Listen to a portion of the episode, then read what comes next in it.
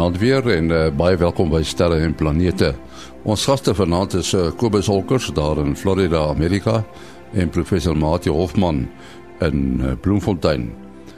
Voor ons begin met die program Eers Ruimte Nuus wat geskryf word deur Herman Turin in Bloemfontein. Wanneer die eerste bemande maanlanding se 50ste herdenking binnekort gevier word, word 'n nuwe mylpaal bereik om weer teen 2025 mense op die maan te laat land. Dan begin die sakeman Jeff Bezos se Blue Origin maatskappy die waterbrandstof van sy maanlandingstuig toets. Die tuig ook bekend as Blue Origin het heelwat ooreenkomste met die destydse landingstuie van die Apollo era, maar die aandrywing verskil geheel en al. Die besluit om waterstof te gebruik is geneem nadat daar eers betreklik onlangs vasgestel is dat daar waterys op die maan voorkom. Die idee is om brandstof en suurstof op die maan te skei en as brandstof te gebruik om van die maan af na die toekomstige ruimtestasie wat om die maan sal wentel, bekend as Gateway, te reis. En van daar kan hulle dan terugkeer na die aarde toe. Hoewel die tuig ontwerp is om 'n bemanning te kan dra, word ook voorsiening gemaak dat sommige ritte net vrag sal kan dra. Dit moet dan in staat wees om self te kan stuur in plaas van 'n GPS-stelsel word 'n navigasiestelsel gebruik waardeur die tuig homself kan stuur deur die maanlandskap en sterre vir navigasie te kan gebruik. 'n Ruimteskipie wat aan 'n mens se hand kan pas en wat ongeveer soveel as 'n toffie weeg, sal dalk in staat wees om na 'n nabygeleë ster te kan reis en data soos foto's te kan terugstuur aarde toe. Die tuig wat deur wetenskaplikes van die Santa Barbara kampus van die Universiteit van Kalifornië gebou word, is so lig dat dit deur 'n laserstrale van die aarde af soveel versnel kan word dat dit 20% die spoed van lig kan bereik. Dit behoort die Alpha Centauri stelsel dan oor 20 jaar te bereik. Die materiaal wat gebruik word, kan omtrent alles oor die toonbank aangeskaaf word. Tot sover dan ruimtenis. Soos uh, gewoonlik praat ons uh, met Kobus Olkers eers oor die son weer. Ja, die son is 'n bietjie interessant hierdie week. Ons ons sien aktiewe areas en die soort van dinge wat ons meer as 2 jaar laas gesien het. So dis vir uh, vir my as 'n voorspeller is dit nou baie interessant. Ons het ons nou verlede week voorspel dat ons 'n bietjie aktiwiteit gaan hê hierdie week en dit uh en dit het toe nou ook wel so gebeur. Uh daar is 'n baie aktiewe groot aktiewe stelsel magnetiese stelsel op die son wat nou geo-effektief was hierdie hele week. Hy het gister van die son afgedraai so ons ons kry geen meer effekte van hom nie, maar ons het verlede week het ons 'n uh, redelike sterings gehad op uh, baie sterk sterings eintlik op langafstandverbindings. Ons het ook 'n uh, paar geomagnetiese storms gehad. Hier teen Dinsdag se koers het hulle gedraai hier by 'n G3 klas storm wat nogal redelik erg is en wat natuurlik nou weer baie helder auroras veroorsaak het in die noordelike en in die suidelike halfrond. Uh op 'n stadium was die die hoeveelheid energie in die suidelike halfrond se aurora of terwyl suiderligte was dit so hoog as 90 uh, gigawatts dan wat ons het ook 'n bietjie sterings gehad op ons DSL verbindings. Uh, ek het persoonlik 'n bietjie probleme daarmee opgetel in daar in Amerika of hier in Amerika. En so dit is wat verlede week gebeur het wat nou in die volgende week gaan gebeur is eintlik baie min. Ons het 'n twee kroon korona gate uh in noord en een suid by die noordpool en die suidpool van die son. Uh, hulle is natuurlik nie geo-effektief nie, met ander woorde hulle gaan nie die aarde beïnvloed nie. Eh en maar daar is ook twee sulke sleerte wat uh van die noordelike een af afkom. Een van hulle is uh, nou net mooi geo-effektief vandag en teen môreoggend is nou maandagooggend gaan ons gaan ons definitief al begin 'n uh, bietjie verhoogde sonwindspoed van hom af kry. Hy's gelukkig noordwaarts gerig met ander woorde hy gaan nie die aarde se magnetveld te veel beïnvloed nie. Uh kom as jy het nou 'n hele klompie dinge genoem wat jy elke keer noem in uh, die ruimte weervoorspelling. En ons het 'n uh, brief gekry onder andere van Sarah Klopper wat 'n bietjie meer inligting wil hê oor die dinge waaroor jy praat. En ek het ook self gedink ou moet miskien meer verduidelik, jy weet, wat is 'n koronagat? Wat is 'n sonwind? Wat is 'n filament? Kom ons kyk net eers gou wat uh, het ons alles wat komponente nou van die son is. uh, wat ons nou kan sien en wat ons nou kan waarneem. Die eerste ding wat ons natuurlik almal die kan sien, dis nou net voor jy voor jy jou oog verbrand as jy nou reguit in die son en kyk wat baie dom sal wees, is die sogenaamde fotosfeer van die son. Dit is nou die buitenste laagie wat ons kan sien. Dit is die die uh, gedeelte van die son wat nou uh, lig skyn in die in die menslike sigbare gedeelte van die van die band uh van die van die frekwensieband van al die frekwensies wat die son uitstraal. Ons moet nou ook natuurlik net onthou dat die son saai uit in omtrent elke elektromagnetiese spektrumlyn wat daar beskikbaar is van amper gelykstroom af reg deur tot by diep in die in die ekstrale in uh selfs selfs uh, gamma strale. Die sterkstes uh, wat ons in belangstel is nou die is die ekstraal gedeeltes want hulle kan vir ons ons hulle vorm ons ionosfeer saam met die ekstreem ultraviolet gedeeltes. Goed, so nou het ons 'n fotosfeer wat in elke frekwensie moontlik uitsaai. Bokant hom is daar so 'n wollerige wolk van plasma. Nou wat is plasma? Plasma is ons nou net geïoniseerde gas of geïoniseerde materiaal, materie. En hierdie uh wollerige wolk omring die hele son soos 'n sfeer reg rondom ons. Dit is dop buite om die son en ons kan hom normaalweg glad nie waarneem nie. Uh want nommer 1 uh, sy temperature is baie hoër as as die wat ons kan waarneem met ons uh met ons menslike uh oë. Sy hoofsaaklike uh emissies of die fotone wat van hom afkom is almal in die ekstreem ultraviolet band en en nog hoër diep in die ekstraal band in ons kan wel 'n glim of 'n gloed van hom waarneem wanneer daar 'n uh, 'n sonsverduistering is. As die maan nou so een keer in 'n in 'n in 'n ewigheid reg voor die son inkom, as ons nou presies op die regte plek is, dan kan ons hierdie gloed reg rondom die son sien en dit lyk dan ook na na 'n uh, kroon en dit is hoekom dit 'n uh, die korona genoem word. Sonvlekke. Sonvlekke sien ons wanneer daar aktiwiteit op die son se oppervlakte is, magnet sterk magnetiese aktiwiteit. Nou hoekom sien ons dit? Ons sien dit omdat as ons nou sal mooi onthou, dan het ons plasma, hierdie helde plasma bo wat so uit die son uitkom. Ek is seker almal van ons het dit al een of ander tyd op televisie gesien of op uh hierdie indrukwekkende oranje prente wat mense altyd van die son sien. As daar so boog uh wat so van op van een plek van die son af op kan en dan gaan hy nou weer na 'n ander plek af. En hierdie bo is mos nou niks anders as as magnetiese veldlyne wat wat ons nou baie goed kan waarneem omdat daar 'n klomp warm plasma binne in hulle is.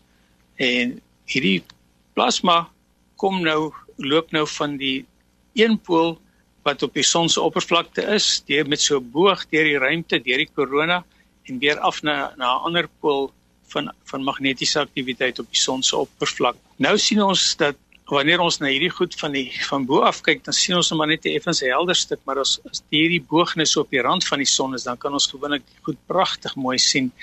En daar is van hulle wat massief groot is, wat omtrent 'n miljoen kilometer wyd is. Hierdie bo sit nou daar en hy's die plasma loop van die een kant van die fotosfeer van die son loop hy deur hom na die hy deur af na die ander kant van die son toe en daar waar hierdie boog na die oppervlakte van die son of terwyl hierdie fotosfeer kruis dan verdof hy so half die die die oppervlakte van die son die die wat ons van die fotosfeer sien en dan sien ons 'n sonvlek en wat ons eintlik sien by die sonvlek is ons kyk half deur hierdie oppervlakte van die son na effens 'n dieper gedeelte van die son wat bietjie uh dit 'n bietjie koeler is. En dis het ons nou dan 'n ding wat ons in die witlig waarneem as as 'n sonvlek. So die as wanneer ons 'n sonvlek sien, dan weet ons dit is nou waar hierdie bo wat op die son is waar hulle die oppervlakte van die son kruis.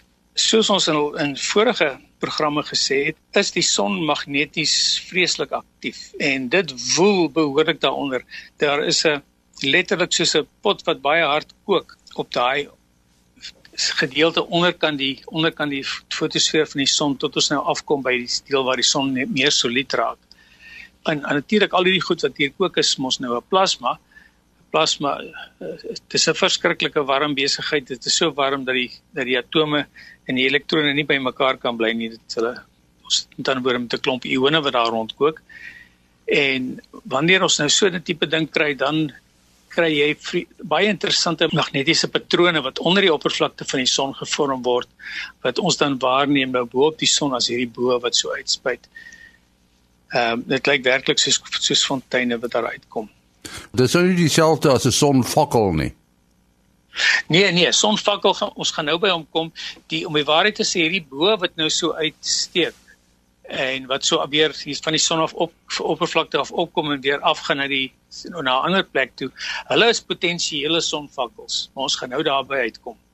Hm. Kom ons maak eers eers gou klaar met wat onder die son se oppervlakte aan die gang is. So die spul kook hierdie magneetveldlyne knoop op mekaar, hulle verbind, hulle herverbind en ons kry allerlei baie interessante goed wat gebeur.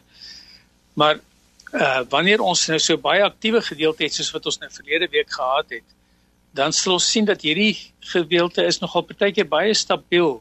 Uh hierdie magnetiese onstabiliteit op die oppervlak van wat ons op die oppervlak van die son sien. En daai daai magnetiese uh kragte wat nou daar uh besig is om so saam te smelt. Die kan partykeer reg rondom die son gaan vir so 2 tot 2 of 3 siklusse.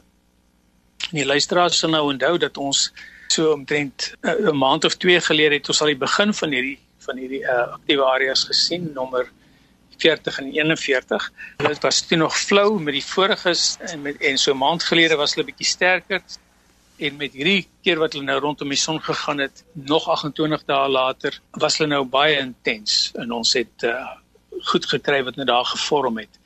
Oh, as ek nou sit hier fisies dan kyk vir die magnetogram van hierdie ding wat nou op die oomblik aan die gang is, dan sien ons daar is 'n swart gedeelte op die magnetogram. Dit is waar die uh, wat ons nou maar ek sê 'n suidpool kan noem en dan's daar so so wit gedeelte op die magnetogram. Dis nou 'n noordpool area. Dan's daar weer 'n suidpool en weer 'n noordpool. So dis baie kompleks. En waar ons nou hierdie baie groot noordpool nou het wat tussen die twee kolle sit, is is die magneties uh, die magnetisme so intens dat dit 'n gedeelte van die korona van die son wat nou bo kan die oppervlakte is. Onthou ons het net nou gesê die korona is so wollerige ding wat so oor die hele oppervlakte van die son gaan. Nou waar hierdie hierdie magnetisme en eh, nou baie intens is op die son se oppervlakte beïnvloed dit nou die korona wat bokant dit is. En hierdie korona wat bokant daardie gebied is, uh, het temperature wat verskriklik hoog is tot meer as 'n miljoen grade. Maar omdat dit ook 'n 'n plasma is wat rondom die son gaan, veroorsaak hierdie magnetisme wat nou op die oppervlak van die son is dat daar 'n gat in die korona vorm. 'n Gat is dan nou maar net 'n area waar die korona so half georganiseer raak in 'n in 'n mens kan sê tipe van 'n opening. En daai opening word nou oopgehou deur die magneetveldlyne wat wat uh, van die son se kant af opkom na die korona toe. Wanneer ons dan nou so gat in die korona het, dan kan die son se eie sonwind of terwyl die die ontploffings wat nou heeltyd op die son se oppervlakte aan die gang is kan nou dan deur hierdie gat ontsnap. En dit is dan nou wel omdat dit in hierdie geval was dit nou 'n noordgerigte een was. Het dit nou pragtig mooi ontsnap en ons het dan nou ook uh baie hoë sonwindspoed gekry of relatief hoë ene van hier so om by die 600 km per sekonde. Ons moet nou ook onthou dat die normale spoed van die van die sonwind is net so hier om en by die 320 325 uh km per sekonde op 'n stil dag. Maar wanneer hy na 'n koronagat oopgaan, dan dan vlieg die sonwind nou uit hierdie gat uit teen omtrent 600 na 650 km per sekonde toe. En dit het natuurlik nou ook gehelp met die auroras. Goed, nou het ons koronagate gedek en ons het sonvlekke gedek sê en ons weet ook nou dat hierdie sonvlekke wat geassosieer is met die magnetiese aktiwiteit op die oppervlak van die son kan rondom en rondom en rondom die son draai en en weer en weer verskyn totdat hy homself nou uitgewoed het in die area onder die oppervlak van die son. Goed, ons het net nou gepraat van hierdie bo. Ja, wanneer die magnetiese aktiwiteit binne in die son so sterk raak dat hierdie magneetveld word so gestres. Daar's gewoonlik een van twee goed wat gebeur die die aktiwiteit binne in die son in daai area waar dit nou so lekker kook raak so sterk dat dit dat een van die kante van hierdie bo afbreek of alternatief in ons geval was hierdie sonvlek so kompleks met 'n noordpool en 'n suidpool en 'n noordpool wat so bymekaar gesit het dat hierdie magneetvelde geen idee idee gehad het waarna toe om te gaan. Hulle moet hulle nou opgaan of moet hulle nou dwars gaan of wat? Hulle weet nie wat aan die gang is nie, want dit is baie kompleks. En dan breek een helfte van hierdie boog nou af. En as hy nou afbreek, dan kom hy self los van die son af. En as hy nou eers so begin beweeg, dan breek die ander helfte ook af, maar nou kom hy van die son af amper soos 'n soos 'n tuinslang wat jy nou gooi. Hierdie tuinslang kan mens nou sê was die boog gewees en die oomblik as hy al twee kante losbreek, as hierdie boog van plasma nou so losbreek, dan vries die son se magneetveld wat wat hom veroorsaak het, vries nou in hom in.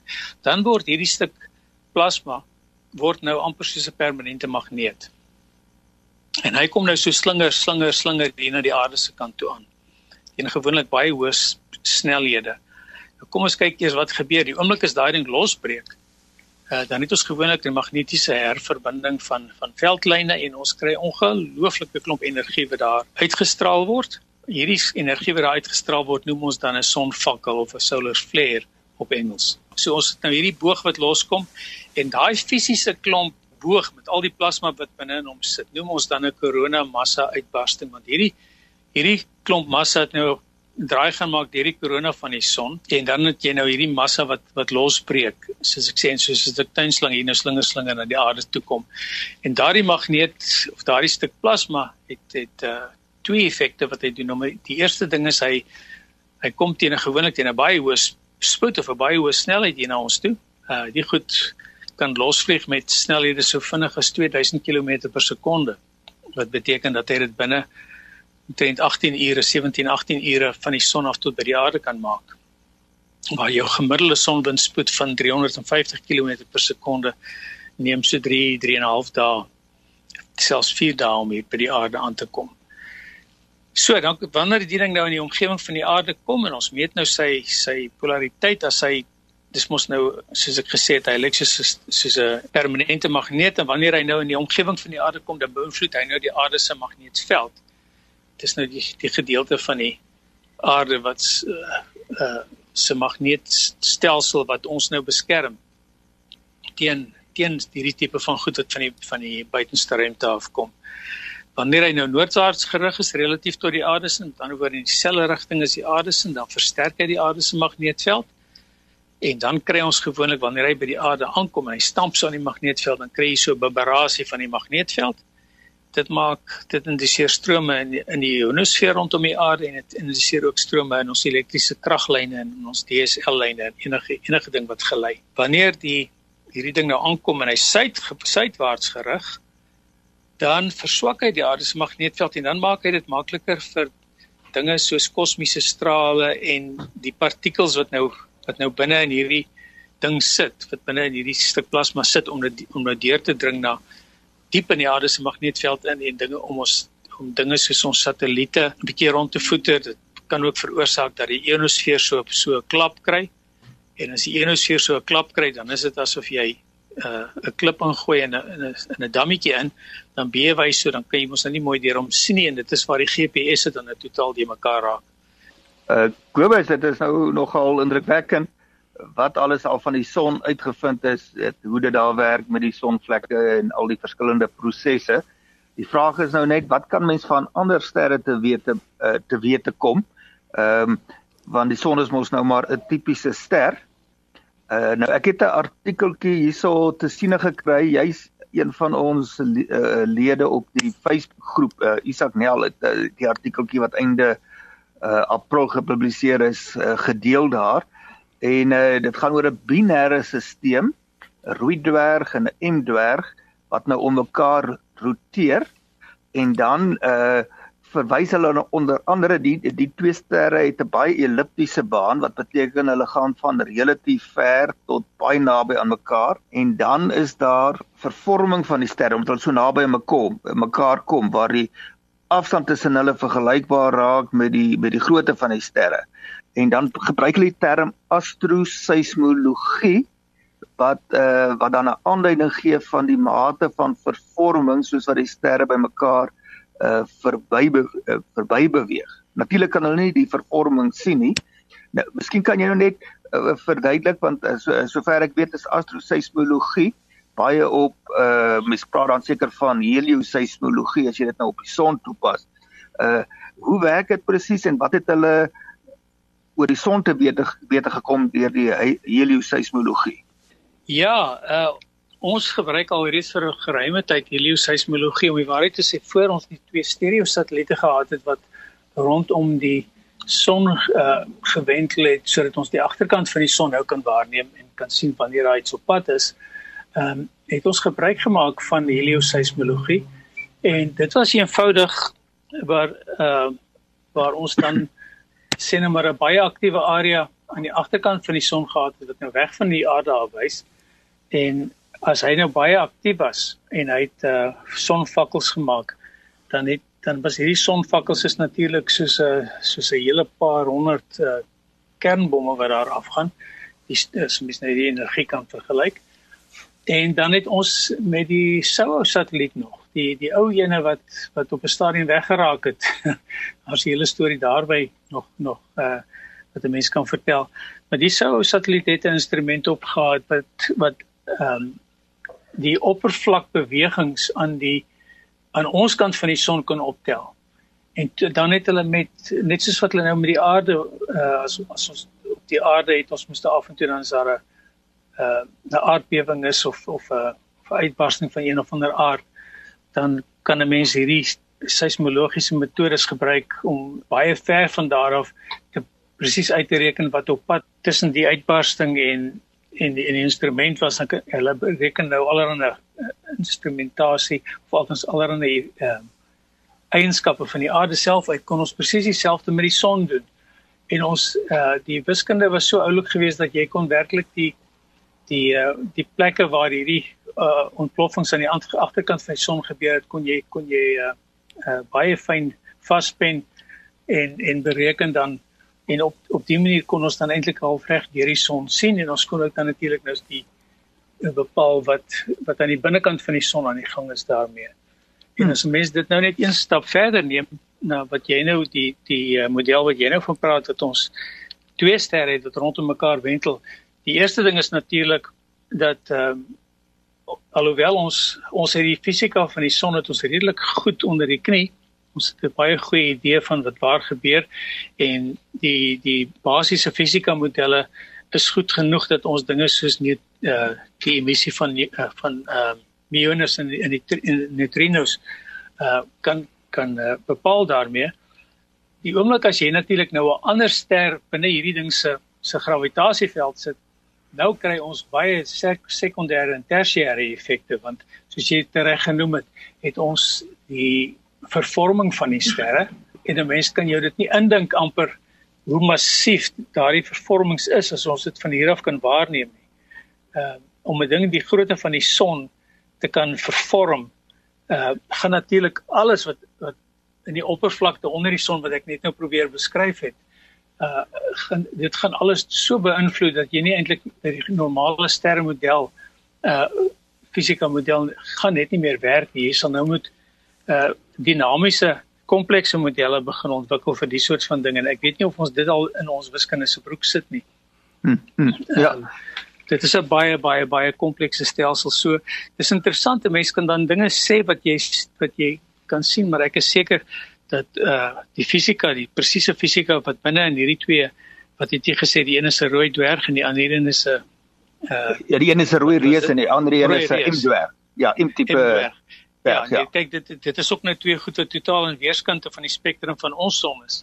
Ja. Uh, so ja, die ja. fisika wat daar betrok by betrokke is uh ek ek sal baie graag die ou wil ontmoet wat dit wat dit gaan ontsyfer. Ja, maar wat ek nou sien wat hulle reg gekry het, kyk wat hulle kan waarneem, dit is uh, wat hulle noem 'n uh, uh, eclipsing binary, uh, uh, twee sterre wat ja. mekaar ver, verduister. So hulle die uh, transit metode, hulle kan sien wanneer daardie verduistering plaasvind. Hulle kan die uh sien hoe gereeld dit plaasvind. So hulle kon sien dis 'n 153 dae periode. Uh so terloops die groepie binêre stelsel se naam is KOI3890. Uh so mense nota wil maak daarvan. Uh maar dan ehm um, weet nou weet mense nog glad nie hoe lê die baan van die die uh, omwenteling ten opsigte van die aarde nie en jy weet ook nie hoe lê dit ten opsigte van die rotasie as van die sterre nie. Maar as hulle nou bysit, as hulle nou bysit die inligting wat hulle deur die uh die astroseismologie kry wat oor daai vervorming, dan kan hulle uh, inligting kry oor hoeveel weet hoe uh, die die die perspektief waar nou ons wat daardie vervorming gaan tog verband hou. Uh die vlak van die vervorming of kon sê die simmetrie van die vervorming met die met die oriëntasie van die van die baan.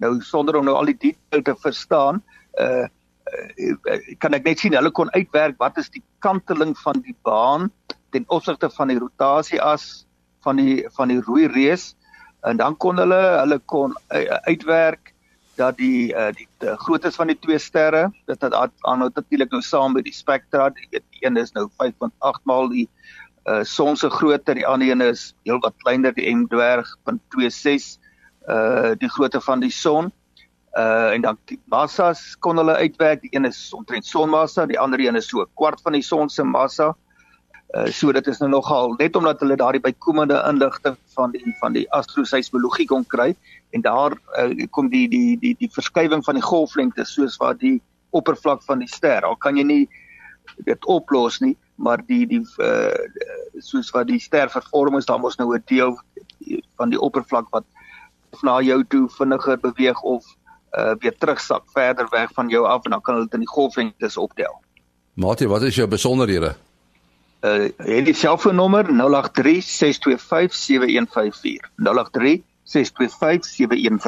en dan Kobus?